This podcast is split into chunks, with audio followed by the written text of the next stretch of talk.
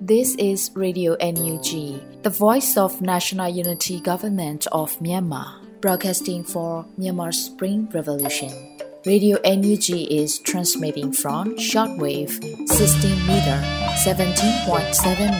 MHz at 8:30 a.m. and 25 meter 11.94 MHz at 8:30 p.m. Myanmar Standard Time. မင်္ဂလာပါရှင်။ မြို့သားညီညွတ်ရေးအစိုးရရဲ့အတန်လွှင့်ဌာန Radio NUG ကိုမနက်ပိုင်း၈နာရီခွဲမှာလိုင်းတူ16မီတာ19.89 MHz ညပိုင်း၈နာရီခွဲမှာလိုင်းတူ25မီတာ17.6 MHz တို့မှာဓာတ်ရိုက်ဖမ်းယူနားဆင်နိုင်ပါတယ်ရှင်။မင်္ဂလာအပေါင်းနဲ့ပြည့်စုံကြပါစေ။အခုချိန်ကစပြီး Radio NUG အစီအစဉ်လေးကိုဓာတ်ရိုက်အတန်လွှင့်ပေးနေပါပြီရှင်။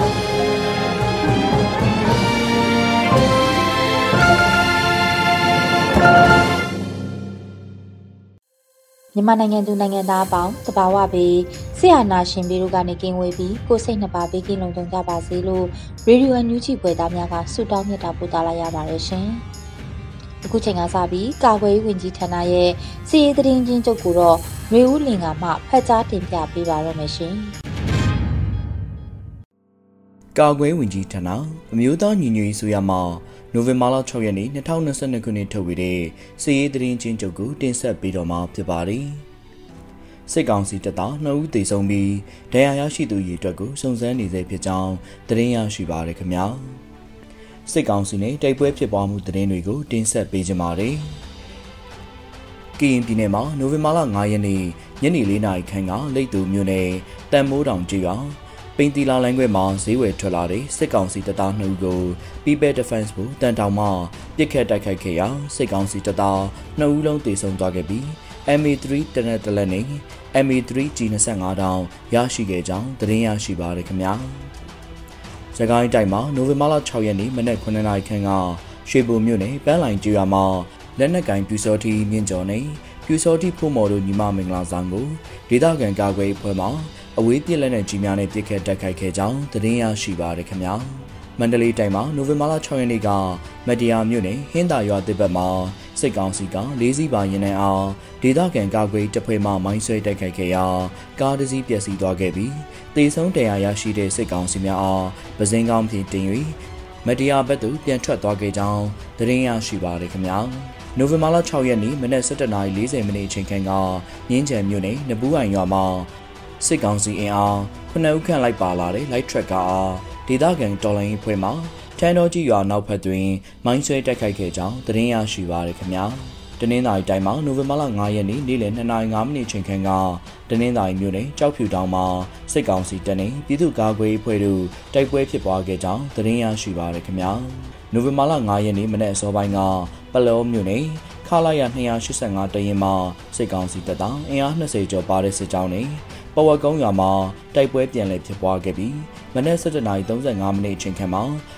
တူရွာတွင်တိုက်ပွဲထပ်မံဖြစ်ပွားခဲ့ပြီးပလစကန်မှာလက်နက်ကြီးများနဲ့ဇက်တိုက်ပစ်ခတ်ခဲ့ပြီးပလအမှတ်1တူနယ်မြေမှာအရက်သားပြည်သူများအားလုံးဤဆက်ရွာများအတွင်းသို့ထွက်ပြေးတိမ်းရှောင်နေရကြောင်းသတင်းရရှိပါရခင်ဗျာဆက်လက်ပြီးစစ်ကောင်စီကကျူးလွန်တဲ့ရာဇဝတ်မှုတွေကိုတင်ဆက်ပေးကြပါမယ်ကချင်ပြည်နယ်မှာနိုဝင်ဘာလ6ရက်နေ့နေ့လယ်တနာရီခန့်က မိုးမောက်မြို့နယ်မိုင်းတာယန်မြို့ကိုစစ်ကောင်စီတပ်မှလက်နက်ကြီးနဲ့လေးချိန်ပစ်ခတ်တိုက်ခိုက်ခဲ့ရာလူထိမှန်ခြင်းမရှိဘဲလက်နက်ကြီးကြားရောက်တဲ့အပိုင်းစာများတင်စီရမိခဲ့ကြောင်းသတင်းရရှိပါရခင်ဗျာနိုဝင်ဘာလ9ရက်နေ့ညနေ6:15မိနစ်ချိန်ခန့်ကမိုးညင်းမြို့နယ်အင်းတော်ကြီးဒေသချောင်းဝဆိုင်ရှိုးကွင်းလန်းဆောင်မှာလေတုံးများကိုစစ်ကောင်စီတပ်သားများဘီးရှို့ဖျက်ဆီးခဲ့ပြီး ဒေသခံလက်သမား80ခန့်ကိုဖမ်းဆီးထားပြီးစစ်ကောင်စီတပ်မှ60မမများနဲ့15မိနစ်ကြာရန်တမ်းပစ်ခတ်ခဲ့ကြောင်းသတင်းရရှိပါရခင်ဗျာရခိုင်ပြည်နယ်မှာနိုဝင်ဘာလ9ရက်နေ့မနက်7:00နာရီခန့်ကဘူဒီတောင်မြို့နယ်မှာစစ်ကောင်စီတပ်သားများပစ်ခတ်လိုက်တဲ့လက်နက်ကြီးကြီးထိမှန်ခဲ့တဲ့အတွက်ကြောင့်ကြောင်ညိုပြင်ကျွော်မှာစော်ရုံ45နှစ်တရက်ကင်းမနူးကျွော်မှာအဘူလော့ဆော့29နှစ်တို့နှစ်ဦးသေဆုံးခဲ့ပြီးတရက်ကင်းမနူးကျွော်မှာမာမက်ရှာဟိတ်9နှစ်နဲ့ လိုင်လာဘီကော32နှစ်တို့နှစ်ဦးတန်ရာရရှိသွားခဲ့ကြောင်းသတင်းရရှိပါရခင်ဗျာ။စကိုင်းတိုင်းမှာနိုဝင်ဘာလ6ရက်နေ့ကမုံရွာမြို့နယ်ထန်းလင်းပင်ကျေးရွာမှာညအိတ်တက်ဆွဲထားတဲ့စစ်ကောင်စီနဲ့ပြူစောတိတပ်သား120ခန်းစစ်ကြောင်းကိုမနက်၈နာရီ9မိနစ်ချိန်ခန့်ကထန်းလေးပင်ကျေးရွာရှိပြည်သူနေဆယ်လုံးခန့်အားမီးရှို့ဖျက်ဆီးခဲ့ကြောင်းသတင်းရရှိပါရခင်ဗျာ နိုဝင်ဘာလ9ရက်နေ့မနက်9:30မိနစ်ချိန်ခန့်ကမင်းကင်းမြို့နယ်တောင်တွင်းဒေသလက်ပံတော်ကျေးရွာသို့စစ်ကောင်စီတပ်သားများဝင်ရောက်ခဲ့ပြီးဒုတိယအကြိမ်မီးရှို့ဖျက်ဆီးခဲ့ရာနှစ်ကြိမ်ပေါင်းနေအိမ်42လုံးပျက်စီးဆုံးရှုံးသွားခဲ့ကြောင်းသတင်းရရှိပါရခင်ဗျာနိုဝင်ဘာလ9ရက်နေ့မနက်10:20မိနစ်ချိန်ခန့်ကမော်လိုင်းမြို့နယ်ထော်သာကျွော်ရှိပြူစောတီနာကနေအိမ်သုံးလုံးကိုမီးရှို့ဖျက်ဆီးခဲ့ကြောင်းသတင်းရရှိပါရခင်ဗျာ ယခုတင်ဆက်သွားတဲ့သတင်းတွေကိုမြေပြင်သတင်းတာဝန်ခင်များနဲ့သတင်းဌာနတွေမှာဖော်ပြလာတဲ့ချက်လက်တွေပေါ်အခြေခံပြုစုထားခြင်းဖြစ်ပါတယ်ကျွန်တော်ကတော့ຫນွေဦးလင်ပါ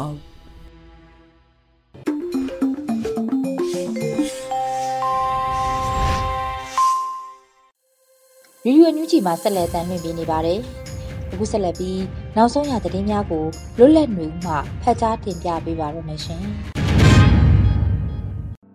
မင်္ဂလာပါခင်ဗျာ။နိုဝင်ဘာလ9ရက်နေ့ရေဒီယို UNG ရဲ့မနက်ခင်းပြည်တွင်းသတင်းများကိုဖတ်ကြားတင်ပြပေးပါတော့မယ်။ကျွန်တော်ကတော့လွတ်လပ်နေဦးပါ။ဦးဆုံးအနေနဲ့အမျိုးသားညွရေးအစိုးရဂျာကာလာဒေသန္တရပြည်သူ့အုပ်ချုပ်ရေးဖော်ဆောင်မှုဗဟိုကော်မတီနဲ့အထူးအုပ်ချုပ်ရေးဒေသပြည်သူ့အုပ်ချုပ်ရေးဖွဲ့များတွေ့ဆုံဆွေးနွေးခဲ့တဲ့သတင်းကိုတင်ပြပေးပါမယ်။အမျိုးသားညွရေးအစိုးရဂျာကာလာဒေသန္တရပြည်သူ့အုပ်ချုပ်ရေးဖော်ဆောင်မှုဗဟိုကော်မတီနဲ့ အထူးအုပ်ချုပ်ရေးဒေသပြည်သူ့အုပ်ချုပ်ရေးဖွဲ့ဝင်များတွေ့ဆုံဆွေးနွေးခဲ့ကြတယ်လို့သိရှိရပါတယ်။နိုဝင်ဘာလ6ရက်နေ့ကအမျိုးသားညွရေးအစိုးရဂျာကာလာဒေသန္တရပြည်သူ့အုပ်ချုပ်ရေးဖော်ဆောင်မှုဗဟိုကော်မတီနဲ့အထူးအုပ်ချုပ်ရေးဒေသပြည်သူ့အုပ်ချုပ်ရေးဖွဲ့များတွေ့ဆုံဆွေးနွေးပွဲအစည်းအဝေးအမှတ်စဉ်33မြင်းဆောင်2022ကိုကျင်းပခဲ့ကြတာပါအစည်းအဝေးမှာဂျာကာလာဒေသန္တရပြည်သူ့အုပ်ချုပ်ရေးဖော်ဆောင်မှုဘိုကော်မတီအဖွဲ့ဝင်တယန်စာတနဲ့တဘာဝပတ်ဝန်းကျင်ထိန်းသိမ်းရေးဝန်ကြီးဌာန ပြည်ထောင်စုဝန်ကြီးဒေါက်တာတူးခေါင်မှအဖွဲ့အမှားစကားပြောကြားပြီးနောက်တက်ရောက်လာကြသောပြည်ထောင်စုဝန်ကြီးများမှနှုတ်ခွန်းဆက်စကားများပြောကြားခဲ့ကြပါတယ်ဆက်လက်ပြီးအထူးအုပ်ချုပ်ရေးဒေသအတွင်းဗန္ဒာရေးလျှက်စစ်ဆက်သွယ်ရေးအခွန်ကောက်ခံမှုကာကွယ်ရေးကျန်းမာရေးပညာရေးတရားစီရင်ရေးတရားစာတနဲ့တဘာဝပတ်ဝန်းကျင်ထိမ့်သိမ်းရေးပါဝင်ကဏ္ဍအလိုက်လုပ်ငန်းဆောင်ရွက်ထားရှိမှုများကိုဌာနဆိုင်ရာများမှရှင်းလင်းဆွေးနွေးခဲ့ကြပြီး အထူးအုပ်ချုပ်ရေးဒေသပြည်သူ့အုပ်ချုပ်ရေးဖွဲ့များမှရေပြင်ကြုံတွေ့နေရသည့်အခက်အခဲများနဲ့သိရှိလိုသည့်များကိုအပြန်အလှန်ဆွေးနွေးခဲ့ကြပါတယ်။အစည်းအဝေးကိုအထူးအုပ်ချုပ်ရေးဒေသမှပြည်သူ့အုပ်ချုပ်ရေးအဖွဲ့ခေါင်းဆောင်များအဖွဲ့ဝင်များနဲ့သက်ဆိုင်ရာဝန်ကြီးဌာနများမှဝန်ကြီးများဒုတိယဝန်ကြီးများအမြဲတမ်းအတွင်းဝင်များညွှန်ကြားရေးမှူးချုပ်များညွှန်ကြားရေးမှူးများတက်ရောက်ခဲ့ကြတယ်လို့သိရှိရပါတယ်ခင်ဗျာ ဆက်လက်ပြီးကမ္ဘာလွှတ်တော်ကိုယ်စားလှယ်များရဲ့နှစ်ပတ်လည်ဖိုရမ်နဲ့၁၂ကြိမ်မြောက်နိုင်ငံတကာရာဇဝတ်ခုံရုံး ICC နဲ့တရားဥပဒေစိုးမိုးရေးအပေါ်လွှတ်တော်ကိုယ်စားလှယ်များရဲ့ဆွေးနွေးတိုင်ပင်ရေးညီလာခံတို့ပြည်ထောင်စုလွှတ်တော်ကိုစားပြုကော်မတီတက်ရောက်ခဲ့တဲ့သတင်းကိုဖတ်ကြားပေးပါမယ်။ကမ္ဘာလွှတ်တော်ကိုယ်စားလှယ်များ၏နှစ်ပတ်လည်ဖိုရမ်နဲ့ဆက်နှစ်ကြိမ်မြောက်နိုင်ငံတကာရာဇဝတ်ခုံရုံး ICC နဲ့တရားဥပဒေစိုးမိုးရေးပေါ်လွှတ်တော်ကိုယ်စားလှယ်များရဲ့ဆွေးနွေးတိုင်ပင်ရေးညီလာခံသို့ ပြည်ထောင်စုလွှတ်တော်ကိုစားပြုကော်မတီကတက်ရောက်ခဲ့ကြပါတယ်။နိုဝင်ဘာလ၄ရက်နေ့မှ9ရက်အတွင်းအာဂျင်တီးနားနိုင်ငံဘွေနိုဆယ်ရီမြို့၌အာဂျင်တီးနားအမျိုးသားကွန်ဂရက်လွှတ်တော်ကအင်ရှင်ပြစ်လက်ခံကျင်းပခဲ့တဲ့43ကြိမ်မြောက်ကမ္ဘာလွှတ်တော်ကိုယ်စားလှယ်များ၏နှစ်ပတ်လည်ဖိုရမ်နှင့်12ကြိမ်မြောက်နိုင်ငံတကာရာဇဝတ်ခုံရုံး ICC နှင့်တရားဥပဒေစိုးမိုးရေးပေါ်လွှတ်တော်ကိုယ်စားလှယ်များ၏ဆွေးနွေးတိုင်ပင်ရေးညီလာခံသို့ပြည်ထောင်စုလွှတ်တော်ကိုစားပြုကော်မတီဥက္ကဋ္ဌဦးအောင်ကြည်ညွတ်ခေါင်းဆောင်သောကိုယ်စားလှယ်ဖွဲ့ဟာ ဗီဒီယိုကွန်ဖရင့်မှတဆင့်တက်ရောက်ခဲ့ကြတာပါပြည်ထောင်စုလွှတ်တော်ကိုစားပြုကော်မတီဥက္ကဋ္ဌဟာနိုဝင်ဘာလ9ရက်နေ့တွင် The role of legislators in atrocity prevention democratic backsliding a precursor to gross human rights violation ခေါင်းစဉ်နဲ့ပြုလုပ်တဲ့ဆွေးနွေးပွဲသို့ပါဝင်ဆွေးနွေးခဲ့ပါတယ်။ကမ္ဘာပေါ်တွင်ဒီမိုကရေစီပေါ်ချိန်ချမှုများနဲ့တူဆိုးရွားသောလူခွင့်ရေးချိုးဖောက်ခံရမှုများ လူမျိုးတုံးတပ်ဖြတ်မှုများလူသားမျိုးနွယ်ပေါ်ကျူးလွန်နေသည့်ရာဇဝတ်မှုများကိုကြည်ကြဲပြန့်ပြန့်ကျူးလွန်နေလျက်ရှိနေခြင်းတရားဥပဒေစိုးမိုးမှုကင်းမဲ့နေခြင်းနဲ့ပြစ်မှုကျူးလွန်သူများသည်တရားရေးဆိုင်ရာပြစ်ပေးအရေးယူခံရခြင်းနဲ့တာဝန်ခံမှုတို့မှကင်းလွတ်နေခြင်းနိုင်ငံတကာရာဇဝတ်မှုများကျူးလွန်နေသူများကိုထိရောက်သောအပြစ်ပေးအရေးယူမှုများမပြုလုပ်နိုင်ပါကကဘာကြီး၌လုံခြုံရေးနဲ့အသက်ရှင်တန်ခွင့်ကိုချိန်ချောက်နေခြင်းမြန်မာနိုင်ငံရဲ့အကြမ်းဖက်စစ်တပ်က ပြည်သူအစိုးရထံမှအာဏာသိမ်းယူရန်ကြိုးပမ်းခဲ့ပြီးနောက်အပြစ်မဲ့အယက်သားပြည်သူများပေါ်ရက်ဆက်ကြမ်းကြုတ်သောလူခွင့်ရေးချိုးဖောက်နေမှုအတိုက်ခံအင်အားစုများပေါ်အင်အားအလွန်ကျွံသုံးဆွဲကလူမျိုးတုံးတပ်ဖြတ်နေမှုများလှုပ်ဆောင်မှုများကိုပြည်ထောင်စုလွှတ်တော်ကိုစားပြုကော်မတီဥက္ကဋ္ဌကအကြံတဝင့်ဆွေးနွေးပြောကြားခဲ့ပါတယ်။ဖိုရမ်နဲ့ညီလာခံစည်းဝေးများသို့ပြည်ထောင်စုလွှတ်တော်ကိုစားပြုကော်မတီဥက္ကဋ္ဌနဲ့အတူနိုင်ငံတကာဆက်ဆံရေးကော်မတီဥက္ကဋ္ဌဒေါ်မြတ်တီတာထွန်း အတွင်းရေးမှူးဦးတင်ကိုကိုဦးနဲ့အဖွဲ့ဝင်ဦးကုန်းကျော်တို့လည်းပါဝင်တက်ရောက်ခဲ့ကြပါတယ်ခင်ဗျာလူမှုစင်တန်တိုးတက်လာနိုင်ရေးအတွက်အလုသမားအခွင့်အရေးနဲ့သက်ဆိုင်တဲ့ခန်းစား권တွေကိုလောက်သားအလုံးလွှမ်းခြုံအောင်လုပ်ပေးရမယ်ဆိုတဲ့သတင်းကိုတင်ပြပေးပါဦးမယ်လူမှုစင်တန်တိုးတက်လာနိုင်ရေးအတွက်အလုသမားအခွင့်အရေးနဲ့သက်ဆိုင်တဲ့ခန်းစားခွင့်တွေကိုလောက်သားအလုံးလွှမ်းခြုံအောင်လုပ်ပေးရမယ်လို့ UNG ဆိုရကဒုဝန်ကြီးမော်ထွန်းအောင်ကဆိုပါတယ်။ နိုဝင်ဘာလအတွင်းအလုတ်သမားရေးနဲ့ပတ်သက်လို့ဒုဝန်ကြီးကလူမှုကွန်ရက်မှာအခုလိုရေးသားပြောကြားခဲ့ပါတယ်။ခေပြောင်းစနစ်ပြောင်းဆိုရမယ်။အလုတ်သမားအခွင့်အရေးနဲ့လူမှုဖူလုံရေးဆိုင်ရာတွေမပြောင်းလဲလို့မရပါဘူး။နိုင်ငံတကာနိုင်ငံဖြန့်ဖြိုးတိုးတက်မှုကိုတိုင်းတာရမှာအခြေခံလွတ်သားအခွင့်အရေးနဲ့လူမှုဖူလုံရေးဆိုင်ရာတွေကအရေးကြီးဆုံးပါပဲ။နိုင်ငံရန်တရားကလူမှုစင်တန်တိုးတက်လာနိုင်ရေးအတွက်အလုတ်သမားအခွင့်အရေးနဲ့သက်ဆိုင်တဲ့ကျန်းမာရေးစနစ်တပတ်9ရက်အလုတ်ခွင်တက်ကြီးပညာရေး အလုတ်လက်မဲ့ခန်းစား권အဖေအမေအတွက်မိဖွားခွင့်တွေကိုအစိုးရအလုပ်တွေအတွက်သားမကလုပ်သားအလုံးအတွက်လွှမ်းခြုံအောင်လုပ်ရမှာဖြစ်ပါတယ်လို့ဆိုပါတယ်။လက်ရှိမှာအကြမ်းဖက်စစ်ကောင်စီလက်အောက်မှာအလုသမားခွင့်ရများဆုံးရှုံးပြောက်ကွယ်လျက်ရှိနေပြီးအ ਨੇ ဆုံးလောက်ခလစာကိုပါဖြတ်တောက်မှုတွေရှိနေတာဖြစ်ပါတယ်ခင်ဗျာ။မန္တလေးတောင်ရိပ်ညိုစီမံကိန်းမှာ Jensen Jewelry Hub ဆောက်ဖို့အတွက်ပေတရာပတ်လည်10ကွက်ကို ပုဂ္ဂိုလ်တဦးတည်းကထပ်မံဝယ်ယူသွားပြန်တဲ့သတင်းကိုတင်ပြပေးပါဦးမယ်ခင်ဗျာ။မန္တလေးတောင်ရိပ်ညိုစီမံကိန်းမှာ Gems and Jewelry Hub ဆောက်ရန်အတွက်ပေတရာပတ်လည်10ခွက်ကိုလူပုဂ္ဂိုလ်တူဦးတွေကထပ်မံဝယ်ယူသွားပြန်တယ်လို့အမျိုးသားညွရေးဆိုရပြည်ထောင်စုဝန်ကြီးဦးတင်ထွန်းနိုင်ကအသိပေးပြောဆိုပါတယ်။နိုဝင်ဘာလ6ရက်နေ့မှာစီမံကိန်းဗန္နာရေးနဲ့ယင်းနှိမ့်ညွှန်နှံမှုဝန်ကြီးဦးတင်ထွန်းနိုင်ကအခုလိုပြောဆိုလိုက်ပါတယ်။ ဒီကနေ့မှာလည်းပေတရာပတ်လည်ဆက်ကွက်မန္တလေးတောင်၊နှွေဦးတောင်ရိပ်ညူစီမံကိန်းမှာလူပုဂ္ဂိုလ်တဦးတည်းကထပ်မံဝယ်ယူသွားပါတယ်လို့ရေးသားဖော်ပြထားပါတယ်။ EOD ထိမှဖော်ဆောင်ထားသောနှွေဦးတောင်ရိပ်ညူစီမံကိန်းဟာမန္တလေးတောင်ချေအရှိဘက်ကပ်လျက်တာယာပြန့်ပြူသည့်လွင်ပြင်မှာတည်ရှိပြီးဧက600ခန့်ကျယ်ဝန်းကနောက်တစ်ချိန်မှာမြောက်ဘက်ဗဟို City Center ဖြစ်လာနိုင်သည့်နေရာဟုသတ်မှတ်ထားပါတယ်။မန္တလေးတောင်ရိပ်ညိုစီမံကိန်းမှာ James and Jewelry Hub ဆောက်ရန်အတွက် တော်လန်ပြည်သူတဦးကပေတရာပတ်လည်မြေကွက်10ကွက်ကိုဝယ်ယူသွားခဲ့တယ်လို့ EOD အဖွဲ့ကသတင်းထုတ်ပြန်ထားပါတယ်။အလားတူနိုဝင်ဘာလ9ရက်နေ့ကလည်းမဟာအောင်မြေမြို့ဒေါန်ဆန်းစုကြည်လန်တောင်ဘက်ရှိຫນွေဦးနှင်းစီမှာပေတရာပတ်လည်မြေကွက်10ကွက်ကိုဒေါ်လာ1.4တန်ဖိုးလူပုတ်ကိုတူဦးတဲ့ကဝယ်ယူခဲ့ပါကြောင်းသိရှိရပါတယ်ခင်ဗျာအမေရိကန်နိုင်ငံဘတ်ဖဲလိုးမှာမတောက်မိသောမိုးခါရီရုပ်ရှင်ကို နိုဝင်ဘာလ26ရက်နေ့မှာသုံးပွဲပြသမယ်လို့သတင်းရရှိပါတယ်နိုဝင်ဘာလအတွင်းမှာမတောက်မိသောမိုးခါရီရုပ်ရှင်ပြသရေးကော်မတီကအခုလိုအသိပေးပြောဆိုပါတယ်မိန်လန်းမှာမိုးခါရီမပြသည့်ပြည်နယ်မရှိစေရ United States က Buffalo မှာနွေမာလ26ရက်နေ့သုံးပွဲပြသပါမယ်လို့ဆိုပါတယ်။ဒရိုက်တာကိုပေါက်ရိုက်ကူးထားတဲ့မတောက်မီသောမိုးခါရီရုပ်ရှင်ဇလန်းတို့ကိုနိုင်ငံတကာမှာယုံတင်ပြသလျက်ရှိပြီးတော့ပြသရမှရရှိငွေများကိုတော်လိုင်းအတွက်ပြန်လည်ထောက်ပို့မှာဖြစ်ပါတယ်။ မတောက်မီသောမိုးခါရီရုပ်ရှင်ဇလန်းတို့ကိုစီရီယန်ဘူကြီးတူအားအခြေခံ၍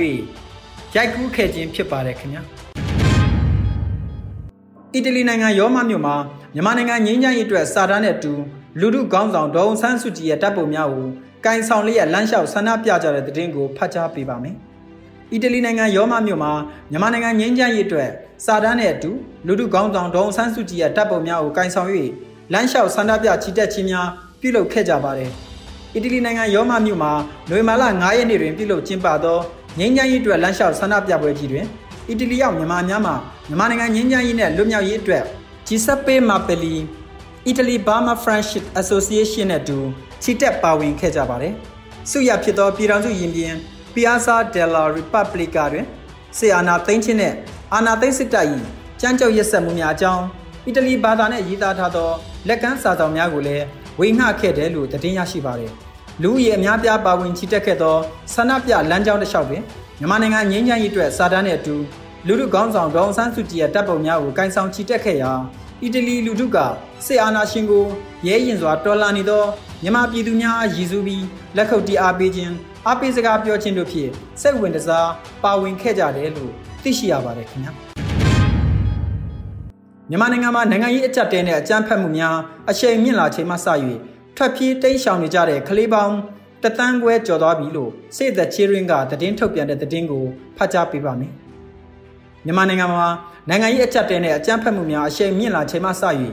ထွက်ပြေးတိမ်းရှောင်နေကြရတဲ့ကလေးငယ်ပေါင်းတသန်းခွဲကျော်သွားပြီလို့စေသက်ချီရင်ကထုတ်ပြန်လိုက်ပါတယ်နိုဝင်ဘာလအတွင်းမှာစေသက်ချီရင်ကသတင်းထုတ်ပြန်ချက်အရမြန်မာနိုင်ငံတွင်အကြမ်းဖက်မှုများမှလွတ်မြောက်ရန်နေအိမ်များမှာအတင်းအဓမ္မထွက်ပြေးခဲ့ကြသည့်ကလေးဥယျာဉ်သည် ယခုနှစ်အတွင်းမှာလျင်မြန်စွာများပြားလာတယ်လို့ဆိုပါတယ်မြန်မာနိုင်ငံတွင်ပဋိပက္ခများကြောင့်လူပေါင်း1.4သန်းကျော်အိုးမဲ့အိမ်မဲ့ဖြစ်ခဲ့ရပြီးကလေးပေါင်း1.1သန်းမှာနိုင်ငံရေးအကြက်တဲနဲ့အကြမ်းဖက်မှုများအရှိန်မြင့်လာချိန်မှစ၍အခုလိုထွက်ပြေးတိမ်းရှောင်နေကြတယ်လို့ဖော်ပြထားပါတယ်။အိုးမဲ့အိမ်မဲ့ဖြစ်ရသည့်ကလေးစုစုပေါင်း၄သိန်း9000ဤ63ရာခိုင်နှုန်းခန့်ဟာလွန်ခဲ့တဲ့6လအတွင်းကအခုလိုအိုးမဲ့အိမ်မဲ့ဖြစ်ခဲ့ရတယ်လို့ဆိုပါတယ်ခင်ဗျာ။ မြောင်မြို့နယ် TGR Women Drone Force မှာလေးလအတွင်းစစ်ကောင်စီတပ်နဲ့ရဲများအယောက်40ကျော်ကိုရှင်းလင်းတုတ်တင်နိုင်ခဲ့တဲ့တဲ့တင်ကိုတင်ပြပေးပါမယ်။မြောင်မြို့နယ်က TGR Women Drone Force မှာလေးလအတွင်းမှာစစ်ကောင်စီတပ်များနဲ့ရဲများအယောက်ပေါင်း40ကျော်ကိုရှင်းလင်းတိုက်ခိုက်နိုင်ခဲ့တယ်လို့ဆိုပါတယ်။နိုဝင်ဘာလ6ရက်နေ့မှာမြောင်မြို့နယ် TGR Women Drone Force မှာအခုလိုကြားခင်ဆိုင်ကအတီးပြုပြောဆိုထားပါတယ်။မြောင်မြို့နယ် TGR Women Drone Force မှာ ပွဲကခဲ့ရာတွင်လေးလအတွင်းစစ်ကောင်စီဘက်မှစစ်ကောင်စီတပ်သားရဲပြူစောတိအပါဝင်စုစုပေါင်း48ယောက်အောင်ရှင်းလင်းနိုင်ခဲ့တယ်လို့သူကဆိုပါတယ်။ယခုလက်ရှိတွင်စစ်စင်ရေးများလှုပ်ဆောင်ရာတွင်စစ်ကောင်စီဘက်မှဂျမ်မာ drone killer ပါဝင်လာမှုကြောင့် TGR Women Drone Force မှာ drone များဆုံးရှုံးပျက်စီးမှုတွေလည်းရှိနေတယ်လို့သတင်းရရှိပါတယ်ခင်ဗျ။ ဆက်လက်ပြီးမတရားမြို့နယ်အောင်တောင်ကိုင်းရွာနဲ့ဟင်းသာကုန်းရွာကြားစစ်ကားလေးစီးကိုဗေဒါမိုင်းနဲ့ဖောက်ခွဲတိုက်ခိုက်လိုက်ရာစစ်ကောင်စီတပ်ဖွဲ့ဝင်9ဦးသေဆုံးသွားတဲ့တဲ့တင်ကိုဖတ်ကြားပေးပါမယ်။မတရားမြို့နယ်အောက်တောင်ကိုင်းရွာနဲ့ဟင်းသာကုန်းရွာကြားစစ်ကောင်စီစစ်ကားလေးစီးကိုဗေဒါမိုင်းနဲ့ဖောက်ခွဲတိုက်ခိုက်ရာမှာစစ်ကောင်စီတပ်ဖွဲ့ဝင်များ9ဦးထိသေဆုံးခဲ့ပါတယ်။နွေမာလာ6ရက်နေ့မှာနတ်ဆိုးမီအောက်တော်လိုင်းရေးတပ်ဖွဲ့ကစစ်ရေးတည်င်းကိုအခုလိုအသိပေးပြောဆိုထားပါတယ်။ မတရားမြို့နယ်အောက်တောင်ကိုင်းရွာနဲ့ဟင်းသာကုန်းရွာကြား၌စစ်ကောင်စီတပ်များလိုက်ပါလာတဲ့ကားကြီးလေးစီးအားဗဒေတာမိုင်းလေးလုံးဖြင့်မိုင်းဆွဲတိုက်ခိုက်ခဲ့ပါတယ်လို့ဖော်ပြထားပါတယ်။တိုက်ခိုက်မှုမှာစစ်ကောင်စီတပ်ကအနည်းဆုံး9ဦးသေဆုံးက9ဦးပြင်းထန်စွာဒဏ်ရာရရှိခဲ့ပြီးကားနှစ်စီးပျက်စီးခဲ့ပါတယ်။ထို့သောပျက်စီးနေသောကားနှစ်စီးမှာယခုချိန်ထိပျက်စီးသည့်နေရာတွေပင်ရှိနေကြောင်းသတင်းရရှိပါတယ်ခင်ဗျာ။သောတာရှင်များခင်ဗျာအခုတင်ပြပေးခဲ့တဲ့သတင်းတွေကိုတော့ဗီဒီယိုအန်ယူဂျီသတင်းတောင်မင်းမင်းက ပေးပို့ထားတာဖြစ်ပါတယ်။ကျေးဇူးတင်ပါတယ်ခင်ဗျာ။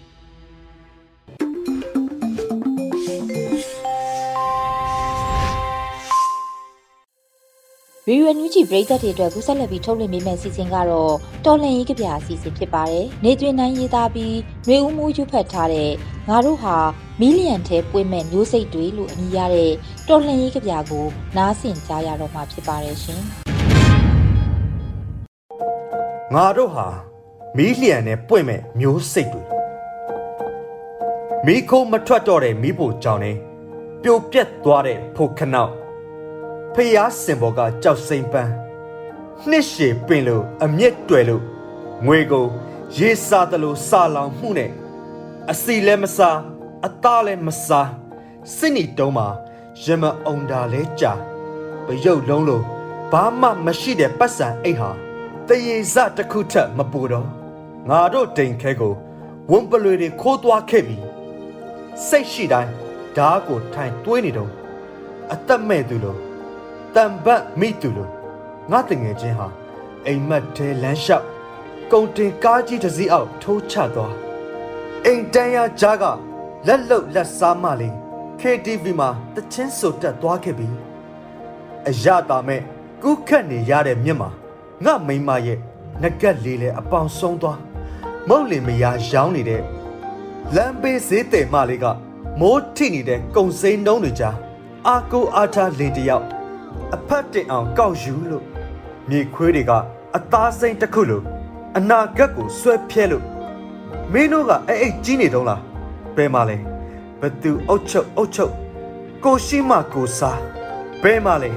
နိုင်ငံရေးဟာငါတို့နဲ့မဆိုင်ဘူးဆိုတဲ့လီလီလာလာစကားတွေဒီမှာ မင်းရဲ့တိမ်ခဲကိုမင်းအပကြားငစင်းလဲတွေခိုးယူသွားခဲ့ပြီငါတို့ဟာပေတရာပေါ်မှာအာနာရှင်ကိုငါကင်တုတ်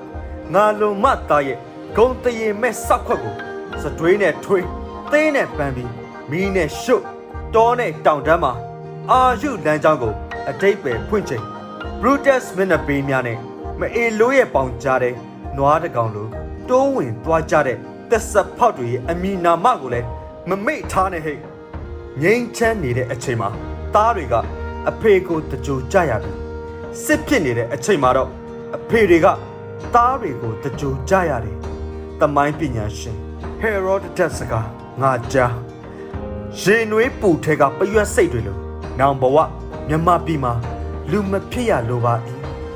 အိုးမဲ့အိမ်မဲ့ဘဝမဲ့အမေအိုကဆုတောင်းလို့ငါတို့မြို့ရဲ့ ဟိုတယ်ကယ်လီဖိုးနီးယားညတွေထဲဂီတာတီးတဲ့ညီလေးတွေအိမ်ပြန်မလာသေးငါတို့တိမ်ခဲပမလေးငါတို့ဟာနှင်းတွေတပွဲပွဲကြနေတဲ့စောင်းညမေးပုံတချင်းတွေစူကြအောင်မမိုးကြီးတဲ့ပြေးလွှာစော့ကစားနေတဲ့စစ်ပွဲတွေကခုံထွက်ခဲ့ကြတဲ့ကလေးတွေရဲ့ချောင်းကလေးတစ်ခုမှာငားများနေတဲ့အဖိုးရဲ့တက်တန့်ကြီးဘလို့ပေါက်ရောက်လာတာလဲ ကောင်းကင်ကြီးဘာကြောင့်ပြမိုးဘာကြောင့်ရွာငါတို့တွေဘလောက်တန်မာခဲ့ကြသလဲရန်သူနဲ့မိတ်ဆွေဆိုတာဘာလဲမျက်ခင်းလေးတွေကိုပြောပြပြီးတမိုင်းရဲ့ရွှေရောင်မီးတောက်တွေအကြောင်းခမ်းနားတဲ့သေခြင်းဖြစ်ဖြစ်မြင့်မြတ်တဲ့အရှင်ချင်းဖြစ်ဖြစ်လေးပြေနှင်းကိုဖွဲ့ဆိုးလို့မြင့်နဲ့ပင်လေရေမြေတောတောင်တွေငှက်ကျေးလေးတွေတောင်နှွေဦးတရားကို တအံ့တောနားဆင်ကြအောင်ပါပြီးတော့ငါတို့တွေအိမ်ပြန်ရောက်အောင်ပါချစ်ချင်းမြတ်တာကလွယ်ပြီးအရာရာချွေတာရအောင်ပါဆိုတော့ငါတို့ကိုငါတို့မိမရှို့လိုက်နေညီငါတို့ကိုငါတို့မြစ်တဲ့တုံမချလိုက်တဲ့အန်ဒီအသက်ကိုပိုးမွေးတယ်လို့မွေးမြူရင်အချင်းနီးသောရှင်တမှုမဖြစ်စေနဲ့ညီမရင်ငါတို့ကိုငါတို့မျိုးမသုံးပြစ်နေကွငါတို့ဟာ မီးတောင်ကြားတဲ့ပွင့်ရမယ်ပန်းနှက်ခတ်ဇွန်ဘီတွေလမ်းတလားနေတဲ့အမောင်ခက်မှာငါတို့ဟာ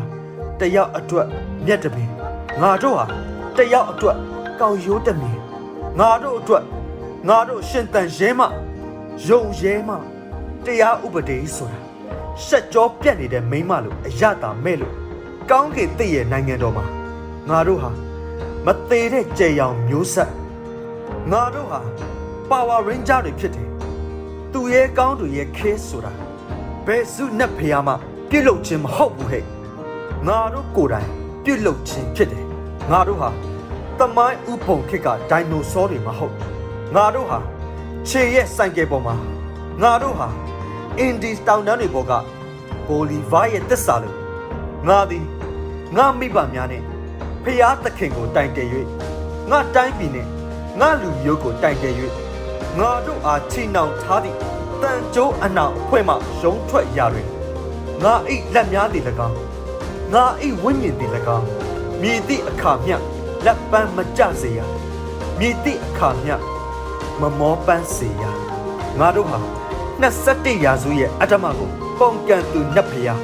မတရားမှုကြီးစိုးနေတဲ့အခါငါတို့ဒိန်ခဲကိုမအေးလို့ကခိုးသွားတဲ့အခါတော်လန်တိုက်ခိုက်ခြင်းနဲ့ ဓမ္မနဲ့တေခြင်းတရားတည်တာငါတို့ရဲ့ဂုံတိတ်ခါအဖြစ်ကြံတော့တယ်ဟဲ့ဟဲ့ဒီမှာပလက်ဖောင်းမိတ်နိုင်ငံတော်ရဲ့အဆုံးစွန်သောလွတ်မြောက်ရာခရီးမှာဂီယာကို မိုင်ကုံနင်းလို့ငါတို့ဟာမီလီယံနဲ့ပွင့်မဲ့မျိုးစိတ်ငါတို့ဟာတန်တောင်ကြောက်တုံးပေါ်မီလီယံနဲ့ပွင့်မဲ့တစ်စိတ်တွေနေတွင်နိုင်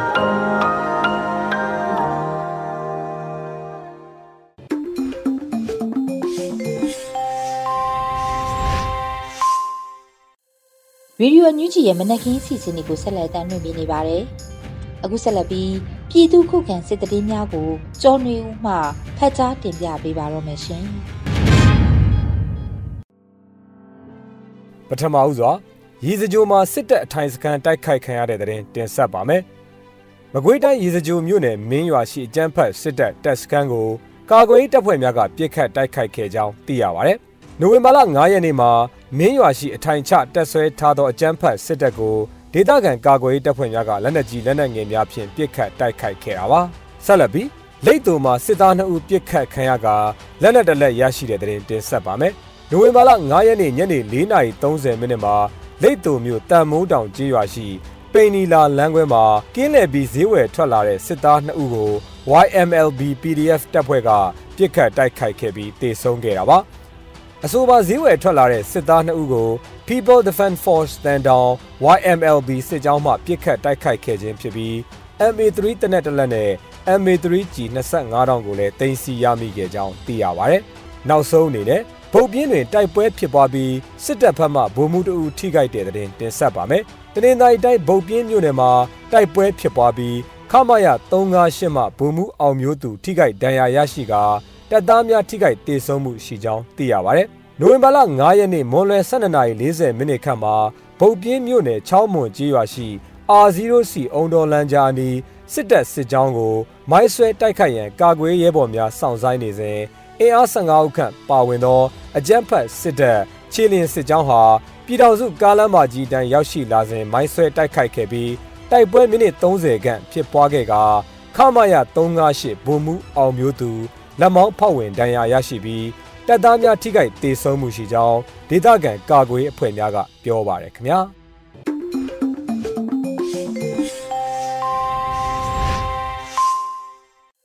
ရေဒီယိုညူဂျီပရိသတ်တွေအတွက်ကူးဆက်လက်ပြီးထုတ်လွှင့်ပေးမယ့်အစီအစဉ်ကတော့တော်လှန်ရေးတိဂီတာအစီအစဉ်ဖြစ်ပါတယ်။တေးဆိုမင်းမင်းရဲ့သူရဲကောင်းတို့မြန်မာပြည်လို့အမည်ရတဲ့တော်လှန်ရေးတိဂီတာကိုနားဆင်ကြရတော့မှာဖြစ်ပါတယ်ရှင်။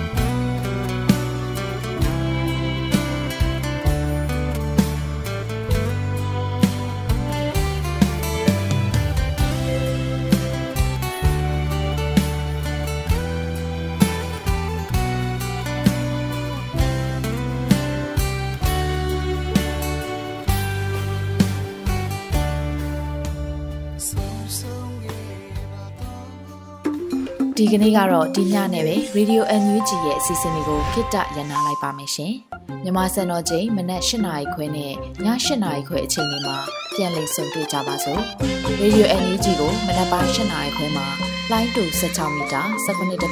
MHz ညပိုင်း၈နာရီခွဲမှာလိုင်းတူ25မီတာ17.6 MHz တို့မှာဓာတ်ရိုက်ဖမ်းလို့နိုင်စေနိုင်ပါပြီ။ မြန်မာနိုင်ငံသူနိုင်ငံသားတွေကိုစိတ်နှပြကျန်းမာချမ်းသာလို့ဘေးကင်းလုံခြုံကြပါစေလို့ Radio NUG အဖွဲ့သူဖွဲ့သားတွေကဆုတောင်းမြတ်တာပို့တာလိုက်ရပါတယ်ရှင်။မြေသားညီမတွေအစိုးရရဲ့စက်သွေးရေးသတင်းအချက်အလက်တွေပညာဝန်ကြီးဌာနကထုတ်လွှင့်နေတဲ့ Radio NUG ဖြစ်ပါတယ်။ San Francisco Bay Area အခြေစိုက်မြန်မာမိသားစုတွေနဲ့နိုင်ငံတကာကစေတနာရှင်လို့အားပေးနေတဲ့ Radio NUG ဖြစ်ပါတယ်။အရေးတော်ပုံအောင်ရမည်